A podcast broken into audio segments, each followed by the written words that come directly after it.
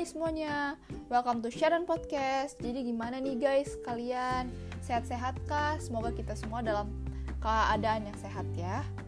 Jadi, apa sih tujuan aku bikin podcast kali ini? Nah, jadi aku tuh pengen banget ceritain tentang my dream government gitu. Dan sebelum aku masuk ke topiknya tuh aku pengen nanya sih beberapa hal gitu. Sebenarnya kalian tau gak sih kayak gunanya sistem pemerintahan itu apa? Nah, terus penting gak sih kenapa harus ada sistem pemerintahan? Nih, yes, menurut aku itu penting banget. Karena sistem pemerintahan itu merupakan suatu sistem sebagai alat untuk mengatur jalan pemerintahan supaya kondisi negara itu bisa stabil kan. Coba kita bayangin kalau kita nggak ada sistem pemerintahan, kita semua melakukan semua seenaknya, terus nanti kejahatan jadi banyak, ya karena nggak ada hukum dan aturan gitu kan, nggak ada yang ngatur juga. Nah, makanya itu dibuatlah sistem pemerintahan. Nah, terus um, kita masuk lah ya ke topiknya.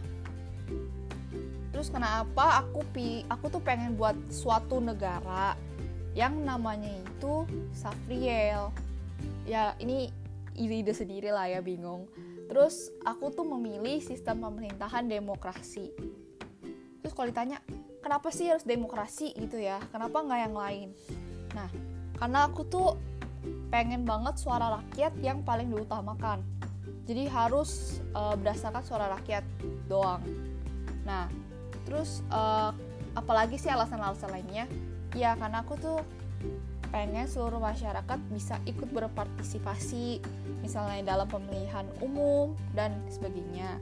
Terus aku tuh pengen kalau semua rakyat itu punya kebebasan untuk berpendapat punya haknya sendiri dan juga pengen menciptakan kehidupan masyarakat yang adil dan sejahtera pastinya. Nah, terus aku mulai masuk ke topiknya lagi ya. Nah, nama, nama negara aku kan Safriel dan lokasinya itu ada di Eropa Barat yang merupakan salah satu negara maju di Eropa. Caila gitu kan ya. Berharap dulu. Nah, setelah bahas kayak identitas-identitas negaranya nih, aku sekarang pengen bahas lagi ke kebijakannya di berbagai bidang. Nah, kalau di bidang ekonomi, aku masih tetap kebijakan yang sama. Kalau rakyat itu harus tetap membayar pajak pastinya. Karena ya pajak itu emang salah satu penghasilan suatu negara kan. Sistem ekonomi ini juga dibagi jadi dua. Ada yang sistem ekspor bisnis dan import bisnis jadi nanti pemerintahan inilah yang mengurus keluar masuknya barang. Misalnya ekspor ya ekspor impor ya impor. Dan juga mereka itu harus make sure kalau barangnya itu aman layak dipakai dan sebagainya. Terus uh, kan ha harga bensin itu mahal ya. Jadi aku tuh pengen sebagai pemerintah pengen aja kayak menanggung be uang bensin itu sedikit gitu. Kayak cuma berapa persennya aja sih. Mungkin 5% lalu kita pindah ke edukasi. Jadi aku itu akan bikin sekolah gratis hingga universitas. Karena aku tuh pengen banget semua masyarakat dari anak-anak itu udah dapat edukasi secara merata.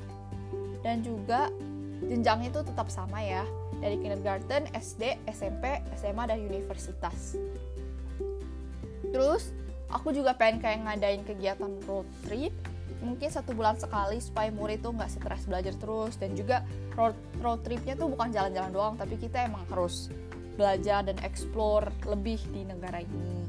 Nah, untuk di bidang agama sendiri, itu akan seperti biasa aja, kayak ada Katolik, Kristen, Buddha, Islam, Konghucu, dan sebagainya. Nah, cuma di sini tuh agama kayak lebih fleksibel. Kalian bebas mau punya agama atau tidak itu no problem gitu loh. Karena kita semua emang saling respect. Dan di sini tuh nggak bakal ada lah yang kayak kasus-kasus beda-bedain agama atau kasus apa pun gitu nggak ada lah. Dan kalau di sini tuh kalau ada kasus mengenai uh, penistaan agama atau apa pun itu akan diberikan hukuman yang berat banget dan serius. Jadi kita tuh nggak bakal main-main lah kalau tentang agama gitu. Nah ya kalau yang terakhir itu sistem pemerintahannya udah aku jelasin tadi demokrasi. Ya karena aku mau semua masyarakat itu punya hak sendiri dan bebas berpendapat. Nah terus kalau dipikir-pikir emang keuntungannya negara ini tuh apa sih? Gini loh yang pertama, seluruh rakyat itu punya kualitas hidup yang tinggi karena emang salah satunya dari sekolah itu sudah diedukasi dari kecil gratis dan juga pola pikirnya sudah terbuka. Jadi tingkat kematian kecil, terus nanti juga kesehatan terjamin dan sebagainya. Lalu lapangan pekerjaan akan banyak.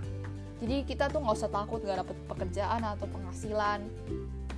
Dan tingkat kejahatannya itu kecil banget karena hukum di negara ini ketat.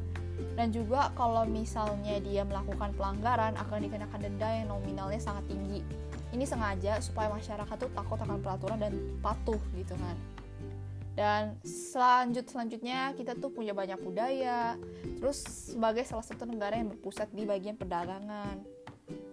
Dan kalau ditanya emang negara ini safe kenapa bisa lebih safe dibandingkan negara yang lain Nah, jadi yang pertama itu karena setiap orang itu udah dididik dan diedukasi dari kecil, jadi kami semua tuh uh, saling respect dan tingkat kejahatannya pasti jadi aman, kecil. Lalu banyak satpam atau penjaga di setiap wilayah-wilayah atau daerah yang untuk make sure kalau semuanya itu aman.